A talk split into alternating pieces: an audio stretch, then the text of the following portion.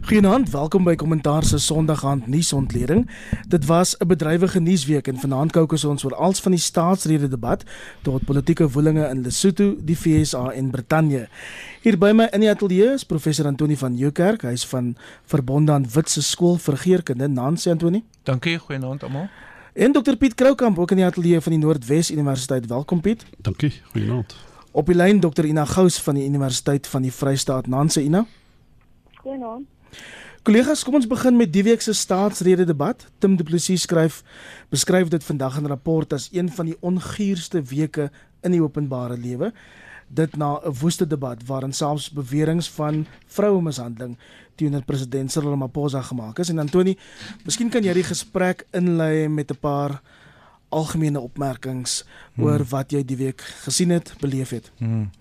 Nee, goed so, Iwer, so in die eerste plek weet ons dat ehm um, die die parlement word geopen met 'n staatsrede deur die president en hy gebruik die geleentheid uh, daar's nou 'n bietjie pomp en seremonie en so aan. Mense trek mooi rokke aan en ander klere en dan word die fotos geneem van ons parlementêr ons lede van die parlement op die rooi op die rooi tapuit maar ons weet eintlik dat die fokus moet wees op die staatsrede wat 'n uh, 'n aankondiging is van die regering oor die beleidskwessies wat hulle dink die prioriteit vir die jaar moet wees en hoe in die breë gesien dit aangespreek gaan word in die 12 maande wat voorlê. En ons weet ook as ons daarna luister, gaan hierdie hierdie aanbieding van beleidskwessies uh, opgevolg word deur die minister van finansies 'n paar dae later, 'n week of twee later, waar die geld toegeken gaan word aan hierdie prioriteite. Uh, uh besteding van van die van die fondse. En daarna word dit opgevolg deur ministers wat hulle eie portefeuilles nou aanspreek en sê hoe in verdere detail hoe hulle die ding gaan gaan hanteer. So daar's 'n logika in hierdie staatsrede en hy ontvou so oor 'n paar weke en 'n paar maande en die mense luister met die oog daarop. Uh, met die oor daarop. Wat nou gebeur het Jy kyk ook ja. Wat nou gebeur het is ehm um, die staatsrede is in die rede geval soos van tevore gebeur het deur 'n ongure klomp politiek. Soveel so waar ons kan praat, maar soveel so dat die dat die inhoud van die staatsrede skibreek gelei het. Wat vir my nogal jammer is want ek dink uh, president Ramaphosa het van die tegniek van 'n social compact 'n sosiale ooreenkoms tussen rolspelers in 'n spesifieke area gebruik gemaak om te sê ons het werk om te doen ek of ons kan dit nie alleen doen nie. Hy het dit uh, ruiterlik erken en uh, die grootste ding wat ek dink hy gesê het is dat die ekonomie is in 'n krisis en sy fokus was daarop gewees. Die 10 sosiale kompakte as jy wil oor die inkomste wat aangegaan moet word of wat bespoedig moet word of afgehandel moet word, het alles te doen met hoe jy die ekonomie weer in die gang kan kry. En dit dit is van landbou na grondhervorming na 'n uh, 'n distrik of 'n munisipaliteitsontwikkelingsprogram en 'n klomp ander goeders daarbey. En ongelukkig iemand 'n joernalis het gesê hulle het 7000 woorde getel of so. Hy het baie lank gepraat. En uh, die probleem met sy staatsrede wat tegnies was, sou ek sê, uh is heeltemal oorgeneem deur die begin van die van die rede waar die EFF opgestaan het en 'n klomp ander goeders gedoen het. En dis uiteraard ook 'n sosiale ooreenkoms wat die regering met die mense van die land aangaan in die debat oor die staatsrede wat ons hierdie week gesien het. En Piet, dis hopelik nie iets wat ons gou weer wil sien nie. Dit was nogal smerig. Ja, dit was kyk ons praat eintlik nou al van die repliek, né, wat die president gegee het na die soune, maar die uh, die ek dink die om net om aan te sluit by Antonius, die die probleem met die president het is dat uh, ons is by die punt wat hy dieselfde ding al soveel keer gesê het oor 2 jaar dat ons hom nie meer glo nie. En omdat ons nie glo nie, is ons gelyk geneig om baie oorsigtelik na die na die na die na die gesprek te luister of na die sinne te luister of veral sy repliek te luister, maar hy het twee goed punte gemaak wat ek gedog het baie belangrik is. Die een ding wat hy wat hy gesê is dat dat uh, uh, hy wil infrastruktuurontwikkeling is 'n belangrike projek weer want ons weet die laaste van 2014 af het die infrastruktuur investering in die begroting as 'n persentasie van GDP het elke jaar gekrimp. En as jy kom by implementering het dit nog verder gekrimp. So daar was eintlik baie daar was eintlik weinig gedoen in infrastruktuur spandering gewees die laaste klomp jare. En hy sê hy wil daai proses omdraai. En wat my bietjie bekommerd is dat hy dink ek dit kan 'n vorm van ekonomiese groei bewerkstellig. En ons weet normaalweg dis baie moeilik behalwe as hy dink die privaat sektor moet belê in hierdie infrastruktuur. Maar omdat infrastruktuur normaalweg teen 'n verlies bedryf word in Suid-Afrika behalwe tolpaaie byvoorbeeld uh, is dit gaan baie moeilik wees om privaat sektor kapitaal te kry vir dit en as ons nou moet afgradeer word die 27ste Maart dan gaan dit omtrent onmoontlik wees of dit gaan baie duur kapitaal wees. So dit asof daar 'n vorm van realisme vir my tekort is, maar die ander ding wat die uh, president uh, gesê het en hy het onder andere het hy gepraat oor grond en hy het weer gesê dat daar sal onteiening sonder vergoeding wees en daar sal wetgewing wat wees wat dit moontlik maak om te onteien sonder vergoeding. Maar die hele proses maak glad nie daarvoor voorsiening nie. Daar's niks tans vir die ad hoc komitee is wat voorsiening maak vir sonder vergoeding. Daar's uh, net 'n proses wat moontlik maak vir nul vergoeding. Nou die indruk wat by ek dink by die ANC se steunbasis gelaat word is dat iemand se grond gaan gevat word en vir iemand anders gegee word. Want dit is wanneer jy sê sonder vergoeding, dis kom op konfiskasie neer. Maar dit is nie naaste by die proses wat gaan plaasvind nie. Daar gaan eintlik baie min onteiening wees en dit gaan 'n komplekse proses wees om by nul uit te kom. En as jy op 'n manier so ligtelik praat oor die ding, dan skep jy 'n wanindruk en ek het al maande gelede gesê ek wag vir die dag wat die president vir sy steunbasis moet verduidelik en sê ANC en die uitvoering komitee moet verduidelik dat nul vergoeding en geen vergoeding is nie dieselfde ding. So ja, dit was daar was uh, daar was die, ek, ek dink daar was daar was daar was goeie dinge in die in die in die in die debat wat of die gesprek of die sauna wat nou verlore gegaan het as gevolg van die tirade en die die die, die, die drama daar rondom. Uh maar dit was dit die groot ding met die president is ek dink hy te, hy hy praat self van 'n trust deficit baie keer en hy hardop ook in 'n trust deficit en mense glo hom eenvoudig net nie meer nie want soos wat ek dink Pieter Groenewald en John Steenhuisen in hulle gesprekke uitgewys het wanneer die Ramaphosa president geword het is werkloosheid hoër daar daar's omtrent geen syfer wat omgedraai is nie alles het agteruit geboer wat beteken die mense sê maar jou teenwoordigheid maak op hierdie staan nog geen verskil nie En nou kom ons fokus bietjie die gesprek op om Pietse woord te gebruik die tirade wat ons die week in ons parlement gesien het en spesifiek oor die gebruik van geslagsgeweld om politieke punte te probeer kry wat baie mense geskok het teleurgestel het. Soveel so dat daar um, oor en weer om verskoning gevra is meneer Ramaphosa um, beskryf dit wat in die parlement gebeur het as skandelik hy sê die parlement skuld die mense van Suid-Afrika 'n verskoning. Wat maak jy daarvan Ja, kyk as mens um, na die situasie kyk en uh, ons nou vir Piet en en en van Tony geluister het, hulle analise, hulle gesprek voer hulle debat as jy wil, is wat ons moes gehoor het. Jy weet uit een setting van hierdie situasie en en wat in die staatsrede was. En ons ook wat gebeur het. So die die die stelsel die in die parlement, die regeringsstelsel binne die parlement raak vir my 'n probleem jy weet die parlement moet regering vorm en kiesers verteenwoordig en wette maak en oorsig oor regering bewerkstellig. En dit nou om al die funksies te verrig binne 'n verantwoordelike regeringsstelsel binne die parlement. En die idee is om nie toe te laat dat 'n instelling slegs in een party se monopolie gaan. Nou gewoonlik word die regerende party gesien as die party teen wie hierdie die wie nou beskerm moet word teen oorheersing en misbruik van mag. Maar tans is dit die EFF wat die stelsel bedreig. En Nou dag in 'n gesprek met Lenet op praat saam gehad oor ontwrigtingspolitiek. Ontwrigting wat verandering meebring wat nodig is, is een ding. Ontwrigting slegs politieke eie gewin moenie genormaliseer word veral in die parlement. Veral nie as dit 'n destruktiewe wending neem. En dit is al vir baie lank eintlik die geval in ons parlement. So die debat was 'n geleentheid geweest waar die, die oppositie kon aandui wat hulle nou saamstem of nie. Hulle saamstem en kom met voorstelle en daardie funksie bly langer nie langer vir EFF belangrik te wees nie as dit ooit was. En dan tussen die EFF en die ANC se misbruik van die kwessie van geweld teen vroue het dinge sonder twyfel nou die heel laagste punt bereik. En die geloofwaardigheid wat ons gehoop het aan die parlement sou terugkeer na die era is verinneweer. Ehm um, die twee dae is ook rustiger met ons smaaklikheid wat in die lug gehang. Daar sal nie jy weet daar sal nie reëls gekyk moet word en ek het gevrees dit sal beteken dat punte van orde en soortgelyke interaksies skrap of grootliks bepaal moet word. En dit is jammer vir 'n instelling wat veronderstel is om dit te verwelkom. Ehm um, sou dit konstruktief wees. Ehm um, Antonie om Ina se argumente bietjie verder te neem. Dis duidelik dat die stryd in die parlement nou tussen die ANC en die EFF is. Die deel wat die amptelike oppositie is, hulle stemme toenemend stil. En ek dink ons moet die gesprek afsluit deur vir elkeen van julle te vra waarheen is ons politieke pad. Ek sien Tim Du Plessis om hom weer aan te haal vandag in 'n rapport. Hy sê Suid-Afrika se politiek is weer so onseker soos die jare 80. Sjoe. Wel my my oorwegende indruk van die kwaliteit van die debat in die parlement hierdie week is dat dit swak is en dat uh, daar 'n tekort aan leierskap is.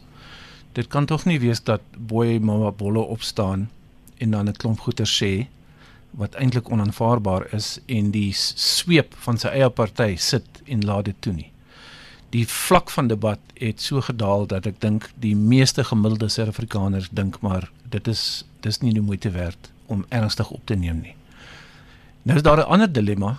Uh Iwer en dit is uh, die EFF het die staatsrede in die rede geval deur die staatsrede in die rede geval deur te sê uh maar daar sit 'n 'n gas op die op die ehm um, uh, in die parlement op die eerste vloer en kyk uit oor ons en ons hou nie daarvan nie en hy moet nie hier wees nie en hy moet nou loop en hy het bloed aan sy hande. Dit het 'n ander debat oopgemaak wat in my opinie nodig is om gevoer te word miskien nie in die styl van die EFF en Julius Malema se manier van taal, haatlike taal gebruik nie, maar die reaksie op wat hy gesê het oor meneer De Klerk sê en in die algemeen die publieke aandag daaraan sê vir my dat ons 'n klomp goeters het om te bespreek en dit is ek het vir 'n ANC kollega gesê wat ek raak geloop het wat wil julle hê moet die wit mense in die land doen moet hulle gaan of bly en as hulle bly wat se status wil julle vir hulle gee? En dan moet jy vir wit mense vra, wil julle bly of wil julle gaan? En as julle wil bly, watter watter deelname aan die openbare lewe dink julle uh, is is die moeite werd? En dis 'n gesprek wat sensitief is, moeilik en ek sien op die sosiale media mense gebruik geweldige haattaal en kruitaal gebruik om iemand van wie jy verskil by te kom. Dis eintlik net so swak soos die debat in die parlement. Uh, ongelukkig. En ek dink ander mense kyk van ander kulturele agtergronde kyk na hoe ons as wit mense met mekaar praat oor hierdie ding van ons identiteit in Suid-Afrika en waarheen ons moet gaan. En ek dink dit sit hulle ook af. Daar's baie werk wat gedoen moet word en daar's baie leierskap wat nou nodig is word om hierdie debat vorentoe te vat want per slot van rekening jou vraag is waar gaan ons heen van hier af? die sosiale kompak die die die ooreenkoms tussen Nelson Mandela en F.W. de Klerk in 1994 of in daai moeilike Kodesa jare. Hmm. Waar ons daarom besluit het ons het 'n grondwet wat wat sê daar's 'n plek vir ons almal in die land kan skade lei, kan uitgerafel word as ons nie aandag gee aan die idee van social capital cohesie samebindende faktore om die nasie te bou nie. En ek dink dis waar ons op pad is. Ons gaan weer daai ou gesprekke hervat en daar's 'n paar rou wonde wat oopgemaak sal moet word. En skade word gelei en baie wit Suid-Afrikaners wat nie noodwendig met oud-president F.W. de Klerk saamgestem het nie, vanmiddag 'n verklaring uitgereik van 'n groep Suid-Afrikaners, wit Suid-Afrikaners wat sê apartheid is 'n misdaad teen die mensdom en moreel onverdedigbaar. Die verklaring uitgereik deur emeritus professor Willie Estreise, ehm um, Dawie Jacobs, 'n oud diplomaat, professor Wannie Karstens, Barend Legrandsie, Dr. Lindie Koort, Skobus Bester, oud RSG aanbieder, Futa Kriege, voormalige monitor um, hoof van nuus, ehm um, Truida Prekel en ook Ferdi Engelbregt. Ehm um, Piet. Ja, ek moet sê toe ek hy lysname lees, party van is my vriende, maar wat 'n vervelige lysmense was dit nou wat my betref. Die feit bestaan is wat hulle toelaat daai lysie mense, hulle laat toe dat hulle in hierdie binêre argument van as jy vir apartheid of teen apartheid is dit misdaad in die mensdom of nie misdaad in die mensdom nie, dat vasgevang word en as jy die oppas as jy die verkeerde een kies, dan is jy self 'n misdadiger uh, as jy gaan lees wat uh, wat is die kenmerke van 'n misdaad in die mensdom? Seksisme kom daaronder voor uh, om iemand uh, die, die land uit te skop. Nou dit is dis 'n dis 'n dis 'n dis 'n wonderlike konsep wat baie breed loop en die feit bly staan is die Christendom, kolonialisme, uh, apartheid, daar is omtrent nie 'n verskynsel wat nie val onder 'n misdaad teen die mensdom nie. En ek is jammer dat hulle die konsep op so 'n manier wollerig gemaak het sodat ons nie meer regtig dit is moontlik vir Ewe de Klerk om te ontsnap aan die idee dat dit 'n misdaad teen die mensdom was omdat die konsep so wollerig gestel omdat alles is omtrent nou al 'n misdaad teen die mensdom. As jy dit vergelyk met sê maar met volksmoord uh, en volksslagting dit is 'n baie spesifieke verskynsel.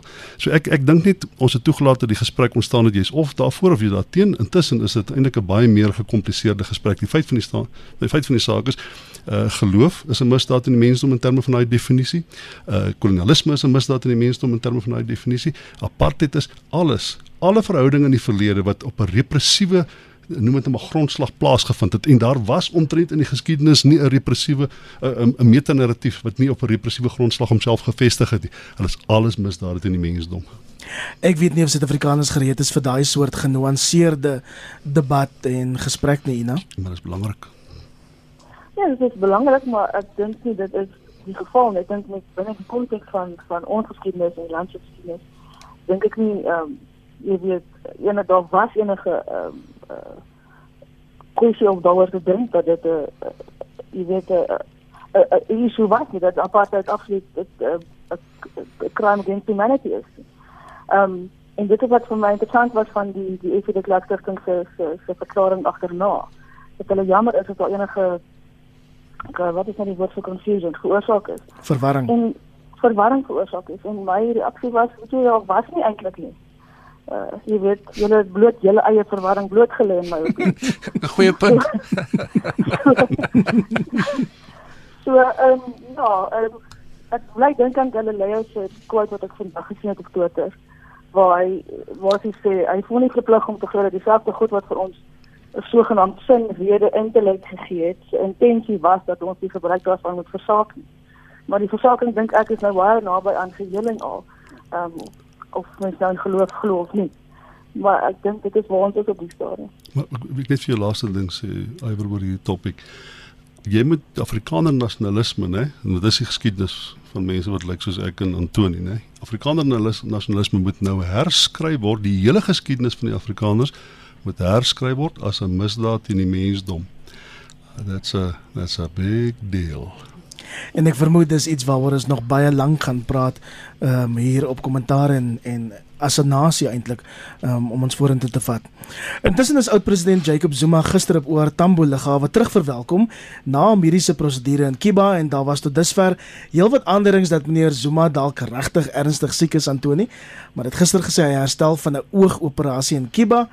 Ehm um, ook gesê hy is nie bang vir die tronk nie. Moes meneer Zuma nie gister in hegtenis geneem word? Daar's tog 'n lasbrief vir sy arrestasie uit. Ehm um, um, ja, okay, so tegnies. uh daar's 'n lasbrief vir, vir sy arrestasie uit. As hy by die volgende hofverskyning nie opdaag nie, dan arresteer hulle hom en gooi hom in die tronk. 6 Mei. 6 Mei. 6 Mei, so ons wag vir 6 Mei. So die die die die avontuur wat hom afgespeel het by die lughawe was dit vanoggend om 11:00 of so. Gisteroggend. Dis al gisteroggend. Oh, gisteroggend. Ja, o, gisteroggend. Met Karel Neus wat soort van vooraan gestaan het en uh gekyk het na Jakob Zuma se donker bril en 'n baie mooi donker pak wat hy gedra het. Blykbaar het hy sy donker bril afgehaal om sy volgelinge die RET volgelinge te wys dat eintlik het hy operasie ondergaan. Ons kon nie mooi die foto's ontleed nie, so ek weet nie maar nie, maar dis eintlik maar drama en toneelspel want dis baie duidelik dat hier is 'n faksie van die ANC wat uh, terugbaklei. Dis dalk die derde faksie in die ANC. Daar's die Cyril hervormingsfaksie of groepering en dan is daar die terugbakleiers onder eis en 'n klomp ander mense wat ook die gevaar staan om in die tronk gegooi te word hierdie jaar. En dan is daar Jakob Zuma wat se die horlosie by hom loop so 'n bietjie uit. So ek dink daar's 'n klomp verloordes wat hom aan sy kant skaar en dit is maar 'n bietjie drama en toneelspel gewees. Die president was siek. Daar's geen twyfel daaroor nie. Ek het redelike inside inligting. Hy was siek. Oh. Ons fokus op die verkeerde goed op sy oë en ek weet nie wat alles in waarskynlik het vergiftig kan wees want dis hoekom hy in die buiteland toe gaan, na Kiba toe gaan. Ja, is gif gewees. Ja. ja. Mm. Maar ek maar ek ek weet die president het 'n het 'n operasie in sy kolon gehad. Ek weet hy was siek geweest. Ek weet daar was 'n tumor in sy kolon geweest is verwyder. Ek weet as jy dit normaal kry, dit self gehad, dan word jy vir tot 3 maande word jy afgeboek. So ek dink dit dis geldig hy was siek geweest. Ja. Nou al die ander teater daar rondom of hy nou uh, probeer het om sy hofsaak te ontwyk dit is natuurlik 'n nuwe gesprek. Maar Piet, intussen het die Sonderkommissie ook die week gehoor dat meneer Zuma se stigting 2 miljoen rand op instruksie van Dudu Mayeni gekry het. Ja, dit die eintlik is die is die fokus baie op die die die Mojeni daar, maar die uh, ek het met 'n goeie vriend gepraat wat weer 'n baie goeie vriend is van Jacob Zuma en hy sê altyd vir my sê man jy gaan nooit 'n sent in 'n Zuma bankrekening kry hmm. behalwe hierdie tipe van patronaatskap van iemand betaal vir sy kinders en iemand koop 'n fiets en ander koop 'n kar en ander betaal in 'n bond af. Hy sê 'n klomp van sulke goed gaan jy kry.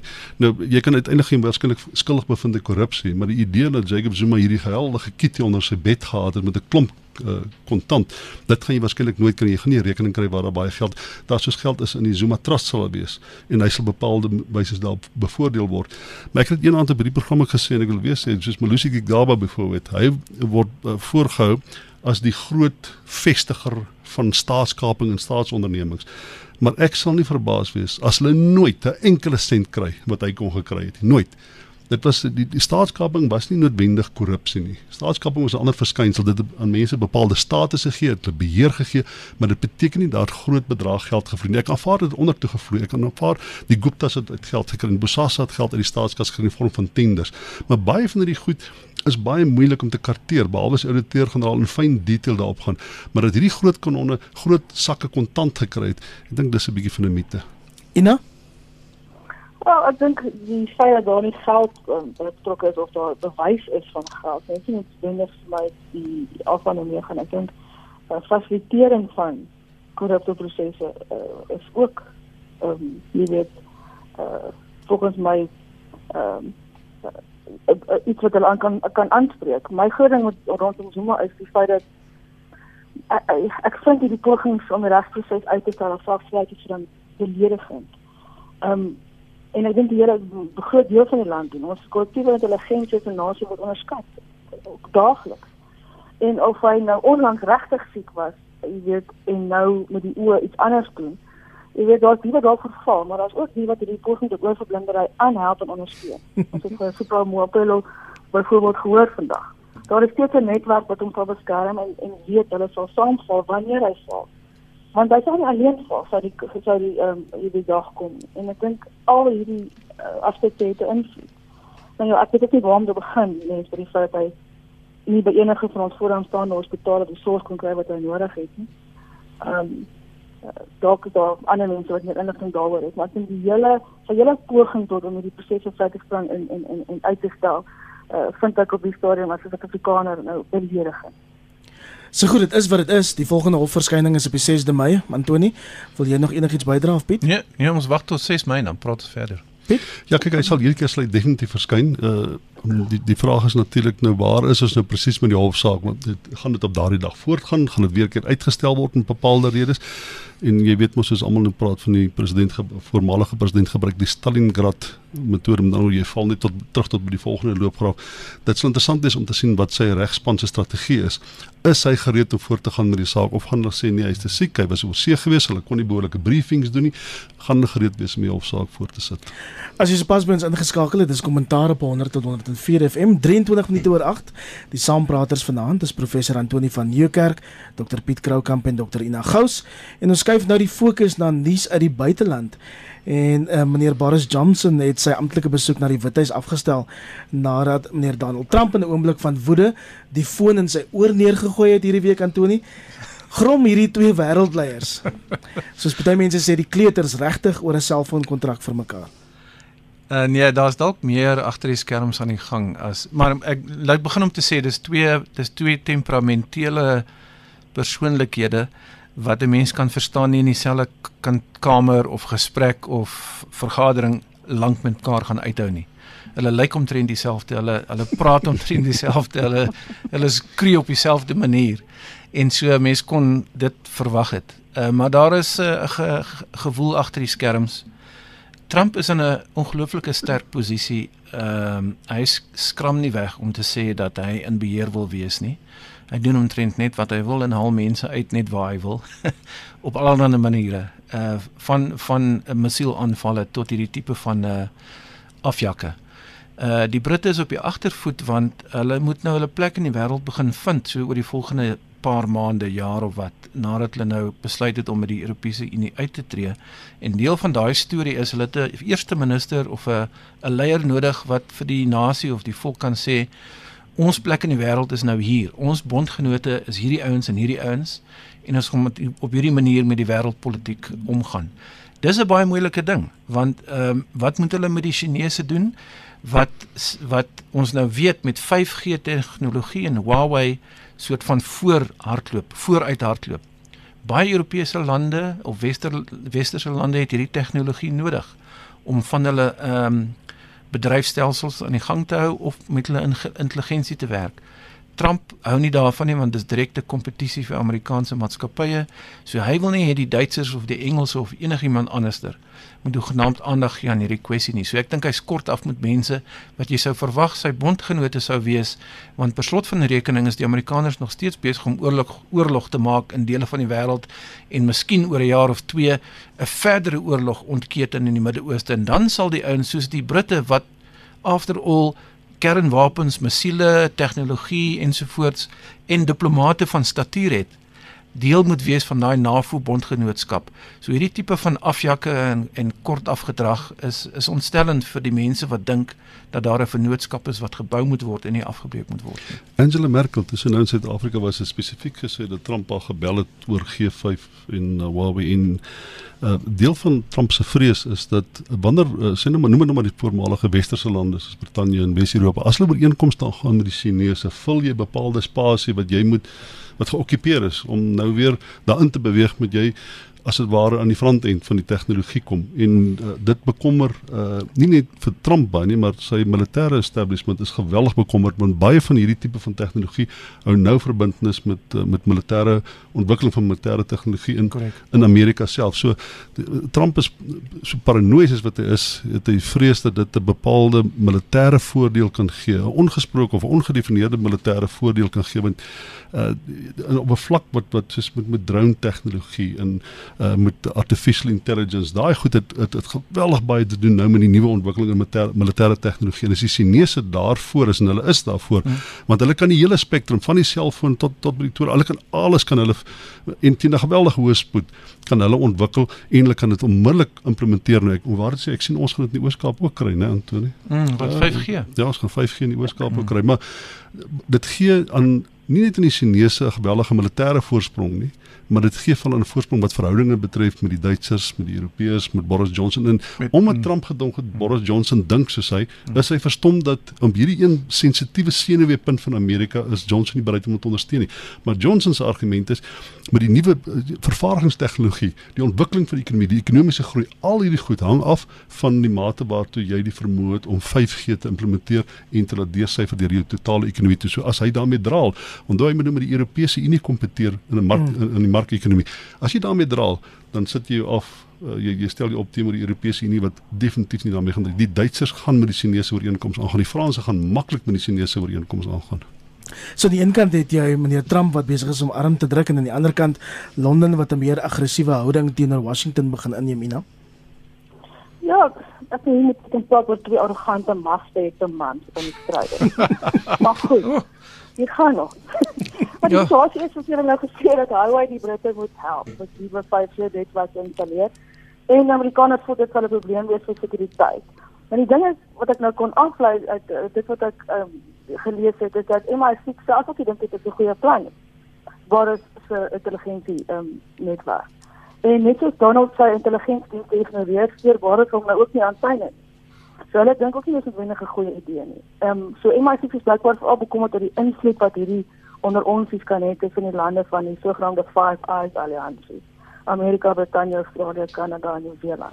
Wat fokus op 'n deel van digitale inligting en sekuriteitsstrategie.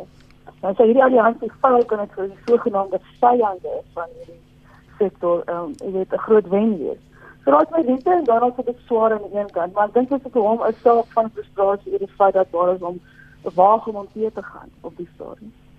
Hierdie ek sou oor sê die laaste ding gesê, die Amerikaanse 85% van die Amerikaanse ekonomie word nie binnekant gedryf, né? Hulle is net afhanklik van die wêreldse ekonomie vir 15 ongeveer 15% van hulle GDP.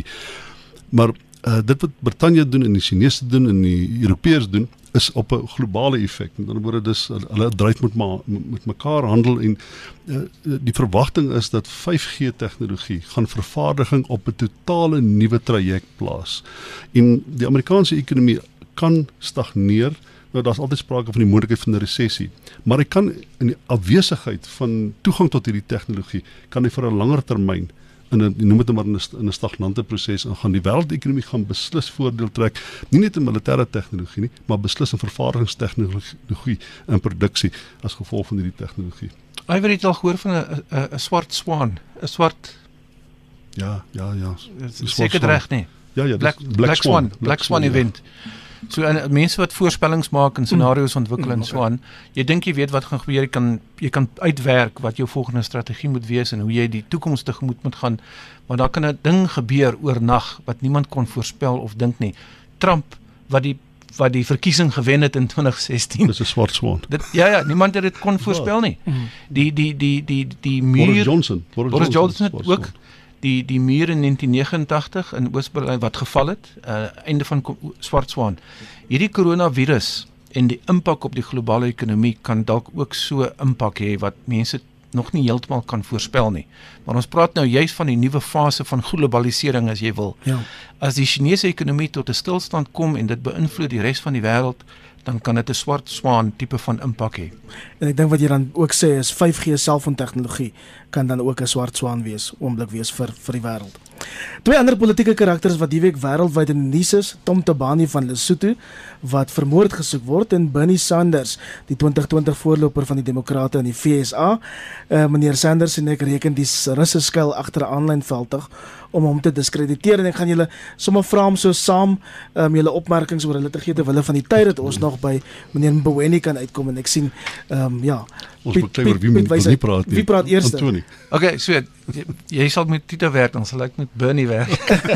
en Tom, maar kom ek begin by Tom Tabani. Dit is ongelooflik. Dis Lesotho ons buurland wat vir dekades al onstabiel is. Ons weet nie Suid-Afrika is die aangewese wat is 'n media on, uh, bemiddelaar, ja, bemiddelaar in die deur SADC in die proses. Ons weet nie wat om te doen met hierdie Basotho van Lesotho nie. Dis eintlik ongelooflik, uh, Iver dat 'n 'n eerste minister, 'n politieke leier nou gesoek word vir moord op sy voormalige vrou. Ons het eintlik gedink sy huidige vrou het die voormalige vrou vir nou skynbaar het hulle sy selfoon op die moordtoneel gekry. Nou soek hulle hom. Hy het weggehardloop seker na Lady Brand toe of Bloemfontein om te sê hy's siek. Het jy al daai storie gehoor? Ja. En hy wil nie terugkom nie. Dis ongelooflik en dit beteken daar's meer onstabiliteit by ons buurland en dit beteken ons sal moet aandag gee, maar wie op aarde, kan ek vinnig dit sê, het tyd om hierdie ingewikkelde gemors op te los want ons president het by Addis Ababa 2 weke terug die leiersels van die Afrika Unie oorgeneem en daar is konflikte op die vasteland wat 10 keer erger is wat ons sal moet aanspreek en dis dalk 'n gesprek vir 'n ander dag. Ek wonder, het ek nou die dag by 'n seminar gesê of ons sekuriteitsmagte en ons diplomate en ons en ons buitelandse sake die vermoë het en die presidentsie self om te sê ons kan die vasteland van Afrika namens die Afrikane bestuur. Ons is net die voorsitter van die AU. En so Lesotho is 'n klein voorbeeld van hoe ongemaklik en kompleks, jy weet die konflikte in Afrika kan raak en daar is nie maklike antwoorde nie want vir 20 jaar al dink ons ons stuur die weermag in, ons stuur diplomate in, ons maak die grens oop of toe, die ding word net nie opgelos nie. Ina, kom ons hoor eers wat Ina sê. Ja, dankie tog. Dis daar's Bernie ook. Ja. Ek ja, sy word van moord beskuldig. Sy vrou word vir poging tot moord beskuldig. Het ehm um, ons het 'n kollega by konferensie gehad twee weke terug wat die politieke situasie in Lesotho dophou en wat uiteraard daarna verwys het dat sy 'n vrou. Game of Thrones. Okay. Ja, maar dit het ook met goeie vriende in opposisies in Lesotho gepraat wat sê ons is besig hier of in hierdie land vir besigheid te hoor ons ons goeie vriende is vermoor. So dit was dit is nog steeds 'n rou uh jy weet aspek by by baie mense in Lesotho. En hulle glo dat bane en almal om hom is skuldig. En nie net aan die moord nie, maar aan verskeie korrupte en kriminele dade en sal in die tronk te laat Hmm. kom. Daar is vreemd genoeg baie vertroue in die Lesotho polisie se vermoë en voorneme om reg te laat geskied in hierdie geval. So dit gaan interessant wees om te sien wat gebeur. Piet, gaan jy die mening oor Bernie Sanders wag? Man ek wil herhaal hy was was mos in 'n in 'n in 'n in 'n debat gewees en te sê een van sy opponente sê toe as jy sosialis is en jy het drie huise en jy is 'n miljonair dan het jy 'n probleem met geloofwaardigheid en ek dink dis baie dis anders 'n probleem ja. Ja, ja. Ja, het blykbaar 2 miljoen dollar ryk. Ja, dis dis al 'n klompie geld. Dis 'n reg ja. geld, Ja. Maar dis 'n dis dalk 'n paradoks want kan jy voorstel so die demo, die demokrate is desperaat op soek na 'n uh, geloofwaardige uh kandidaat wat Mm. mm. Trump kan aanvat hier teen November van einde van die jaar en daar's baie mense wat gestaan het en probeer om hierdie proses nou uh uh goed te bedryf sodat hulle die kandidaat verkies kan word oor baie weke om die kandidaat te word. Bernie Sanders 81 of 85 of 87. Ek dink Joe Biden is 1 of 2 jaar ouer en die derde een wat lyk vir my Elizabeth Warren uh, is ook 80. Mm. Kan jy jouself voorstel? Biden, Biden was onlangs pas blykbaar gearresteer in Suid-Afrika en niemand het ooit agtergekom het toe hy hier toe en was. so, hy was in Soweto Ja, op pad dis na Robben gearresteer, Island toe. ja. Dis Na die is langs mekaar. Hierdie ouens maak dit maklik vir Trump om weer verkies te word, eerlikwaar. dis reg. So Bernie Sanders is 'n paradoks want dis 'n is 'n ou man uh wat uh, skynbaar 'n sosialistiese soort van 'n beleidsagenda voorstaan. Hy is baie populêr en baie gewild onder baie van die minderheidsgroepe in Amerika en hy loop voor in hierdie in hierdie voorverkiesingsproses. En ek hou daarvan. Hy sit disruptor op 'n positiewe manier. Voor ons groet alle hoes op minister Tito Mboweni wat die week se begrotingsrede gaan moet lewer. En ons het verlede week daaroor gepraat. Ons praat môreoggend waarskynlik weer op monitor daaroor. Ehm um, wat sou julle graag in sy rede wou hoor? Wel hier kom hier kom definitief groot belastings uh, Old Mutual dink ek sê dink hulle gaan hy, hy gaan 'n once-off belasting aankom nog om skuld te delg. Uh jy moet onthou as dit 'n ekstensie is van die president se sauna, dan het, hmm. is daar nie vreeslik ruimte vir hom om in te beweeg nie. Ek dink hy gaan kapitaalprojekte gaan hy op 'n groot manier befonds. Hy gaan uh, hy kan niks doen in die staatsdiens op hierdie stadium want hulle het 'n ooreenkoms tot 2022 'n bestaande uh, ooreenkoms so die 50 miljard per jaar wat hy probeer wegvat by die staatsdiens gaan hy nie hierdie keer kan doen nie. Hy is die geld op 'n ander plek moet kry. Ek dink hier gaan hier kom 'n hartseer verhaal. Ek dink hy gaan van hart slaan hierdie. Ook Wel, ek dink verlede as 'n kaktus het gestart. Ek dink die bestaan nie meer nie. So as hy met een daar aankom gaan en sê dis dieselfde een. Ek het nie gehoor wat jy sê nie. Ek sê dis 'n kaktus. Ek het vir die pleintjie gekom, onthou julle? Ja, onthou ja. Maar in elk geval, die ek dink dit is reg, dit gaan baie hard wees. En sodat verdere belastings en so voort wees. Ehm um, ek dink daar gaan net nog meer geld en nog meer mense in die land uit om dit te probeer vryspring um, en en dit gaan baie baie sleg wees. Ek nie keuse nie. Dan moet ek dan moet ek klomp belastings wees hê, het nie die geld. As jy eenvoudig nie die geld wat hulle nodig het nie, so daar gaan groot belastings kom. En ja, so my oorwegende indruk is dat staatsskuld styg skerp en dis daar's geen manier wat ek dink hy gaan dit regkry om dit vas te vat nie, te verminder nie. En daar dadels gekom van Cyril se oorspronklike idee om die staat grond grondliggend te hervorm en meer vaartbelyn te maak. Uh geen mens verloor sy werk in die staatsdiens nie. En selfs die idee dat jy nou jou pakket kan vat en loop uh, gebeur blykbaar net hier vir SAIK en nêrens elders nie. Hmm. So ek weet nie hoe die man die drade bymekaar gaan bring om die om die skale te laat balanseer. Die staat hy gaan 'n staatsbank gaan hê, hy gaan aankondig by die staatsbank die finansiering daarvan. 'n Soewereine welvaartsfonds. 'n Soewereine welvaartsfonds wat hy uh, Dis nonsens. Gwerimentas het hom gesê kan die 8 miljard wat hy per jaar daar by die mynbedryf kry. Daai geld gaan alreeds in die in die begroting. Ek weet nie hoe Gweri dit wil ringfence nie. Jy ja. geen kans in die wêreld nie. Ek is baie gefrustreerd en ek ek wonder of aan die einde van hierdie staatsrede jy weet wat wat hy spesifiek hy persoonlik wat dit in Boenie is gaan gaan gaan doen. Want ek dink hy al al sy pogings en en en en sy idees uh, hardloop uit die mure vas. Mm. Wat dalk wat, wat dalk sou kon werk. So ek dink hy het 'n baie gefrustreerde mens op die stadium. Ek bedank. Ek gaan bedank. Ek gaan die staatsrede lewer en ek gaan die volgende paar maande bedank.